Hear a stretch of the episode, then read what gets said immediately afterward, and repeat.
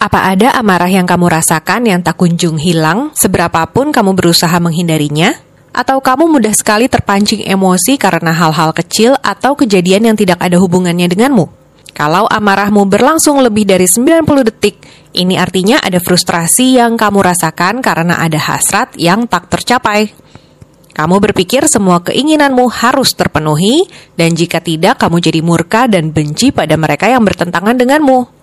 Descartes menyatakan kondisi ini sebagai cacat dasar pikiran, yaitu ketika benak mengacaukan pikiran sendiri dengan realitas eksternal alam sebagaimana adanya. Jika tidak diatasi, kemarahan yang kronis bisa menyebabkan gejala sosiopat hingga psikopat.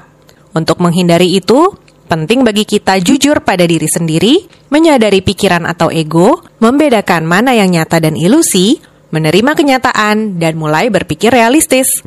Yuk, sadar yuk!